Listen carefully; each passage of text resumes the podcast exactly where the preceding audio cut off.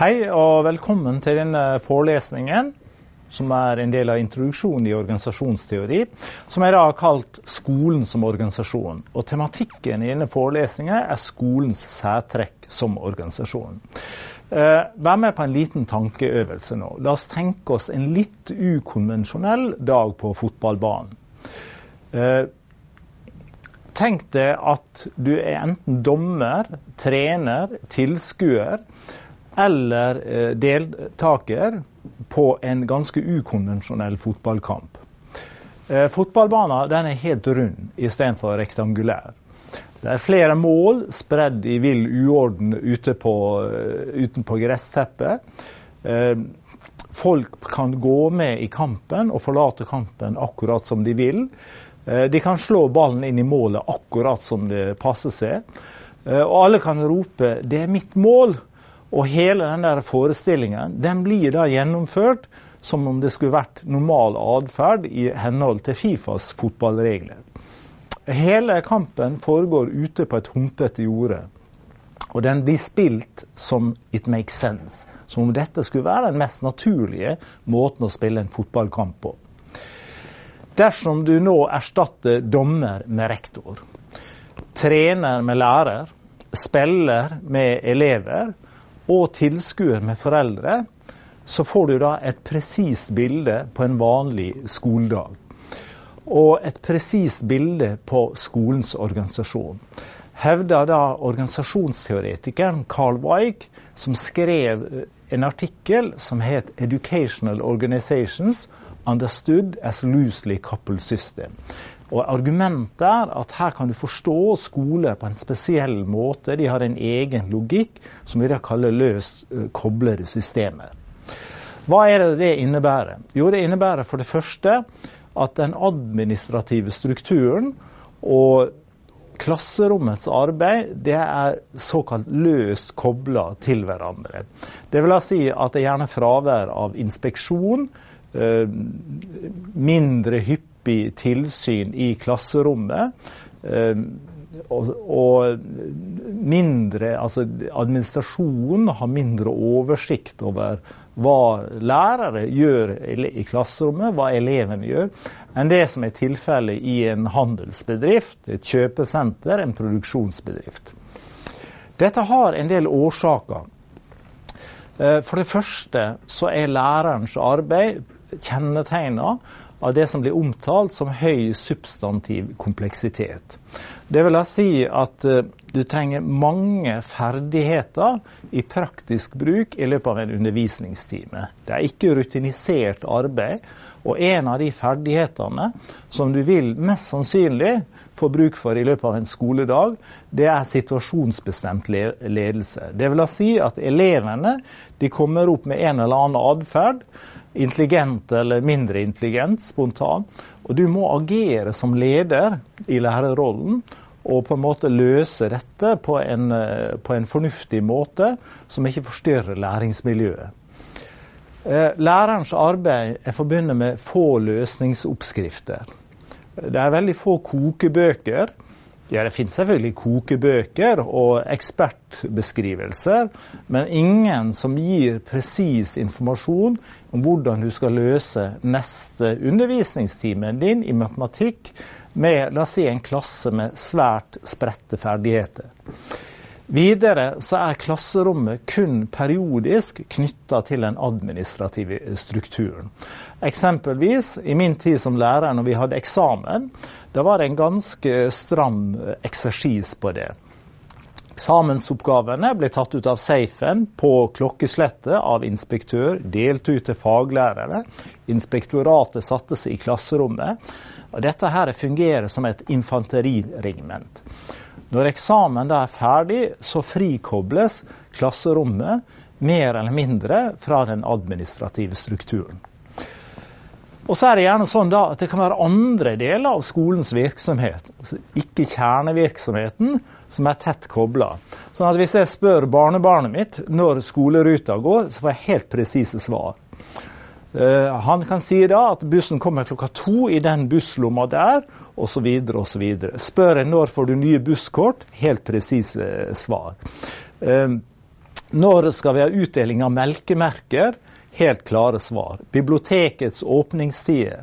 Så disse, disse prosessene som ikke har med selve undervisning i klasserommet, de kan være veldig tett kobla til den administrative strukturen. Så det er noen uh, hyppig observerte trekk. Uh, så videre uh, så er det observert opp gjennom organisasjonsforskningen at det er en asymmetrisk fordeling av kompetanse i alle utdanningsorganisasjoner. For øvrig også andre profesjonsorganisasjoner. Det vil si at den mest kritiske kompetansen, sett fra en leders synspunkt, den finner du i bunnen av myndighetshierarkiet. Læreren har mest ekspertise i hvordan eh, komplekse problemer skal løses. Man kan av og til få inntrykk av at det er professorene som vet best, det, men det er en illusjon. Den kompetansen er mest uh, fordelt i bunnen av hierarkiet. Og Det skaper en avhengighet som påvirker også maktrelasjonene. Sånn at reelt sett så vil ofte den reelle makten i mange henseende befinner befinne seg i bunnen av myndighetshierarkiet. Derfor så er på en måte relasjonsledelse, relasjonskompetanse, en mer dialogisk ledelsestilnærming mer effektiv i den, i, den type organisasjoner. Og den måten å drive en skole på, uh, den overensstemmelse med den klassiske skolekulturen. Så hvis dere hadde intervjua meg på 70-tallet eh, som lærer og spurt om eh, hvordan en skole skal drives, så ville jeg svart det mest naturlige og effektive måten å drive en skole på, det er at rektor holder seg på kontoret eh, og herjer med sine budsjetter, fylkeskommunen, eh, fylkesmannen, hva det nå måtte være. Og så skal vi drive butikken i klasserommet. Hvis dere hadde spurt meg kunne du tenke deg at rektor kom som skolevandrer i klasserommet ditt, da vil jeg stirre svært spørrende på dere, for å si det forsiktig. Um, så jeg pleier å si at denne her løs koblede konstruksjonen, og gjerne klasserommet er frikobla fra den administrative strukturen og hierarkiet, den er gjerne beskytta av et eh, kulturelt ozonlag i form av at det er eh, normative oppfatninger, at det er slik en skole naturlig skal drives. Eh, og mange vil si at det kan være rasjonelt.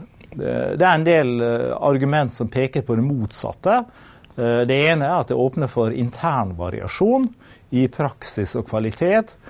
Og så er det også vanskelig å spre innovasjoner i et system hvor naboene ikke har full oversikt over hverandre, hva de driver med, og hva som er effektive metoder og effektiv praksis. Og Det kaller jeg da i det bokkapitlet som jeg har skrevet, for et innovasjonsparadoks.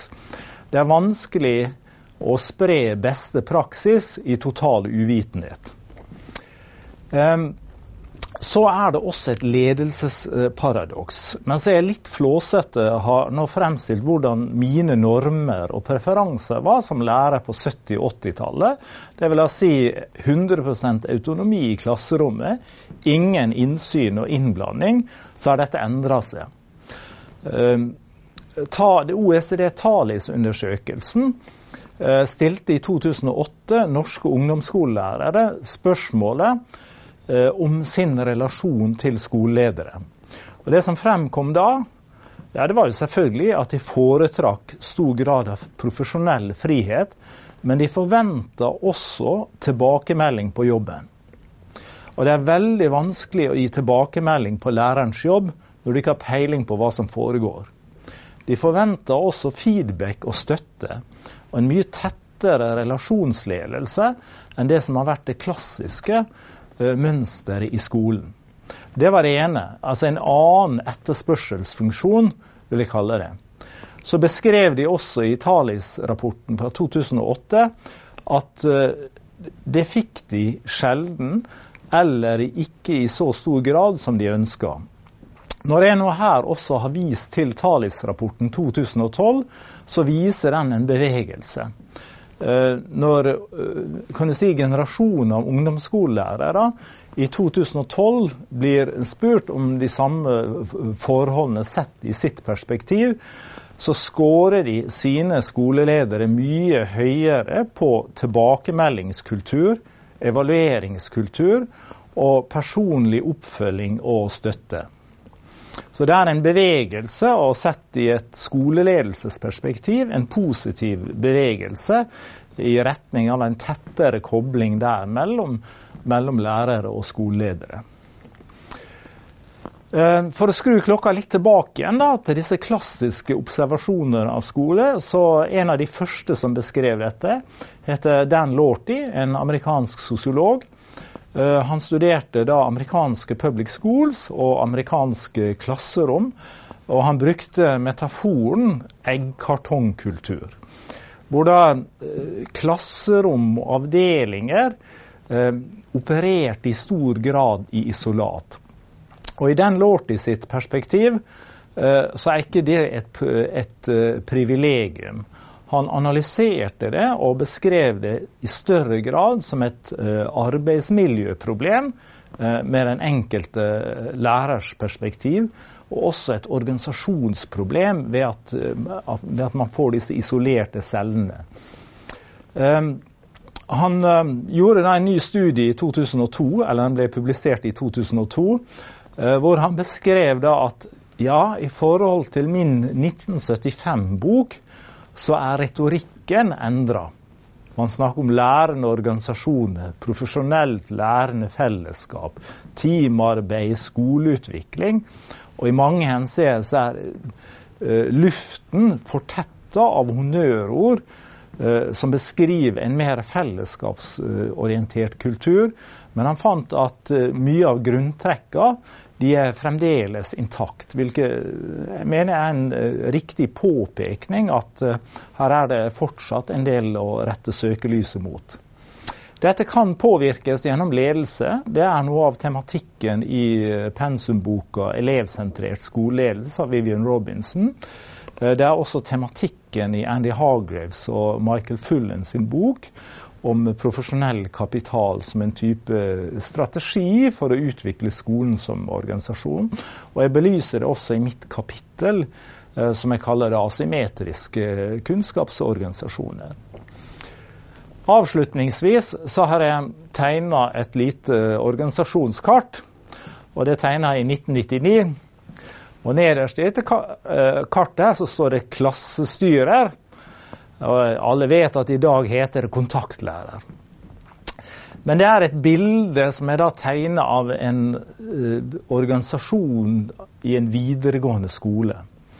Her har vi da rektor på toppen i hierarkiet, som har da en pedagogisk leder til å dekke seg opp på pedagogisk utviklingsarbeid en eh, administrativ leder som holder orden i kontoret og eksamens- og timeplangreier. Og en eh, nestkommanderende i form av en assisterende rektor.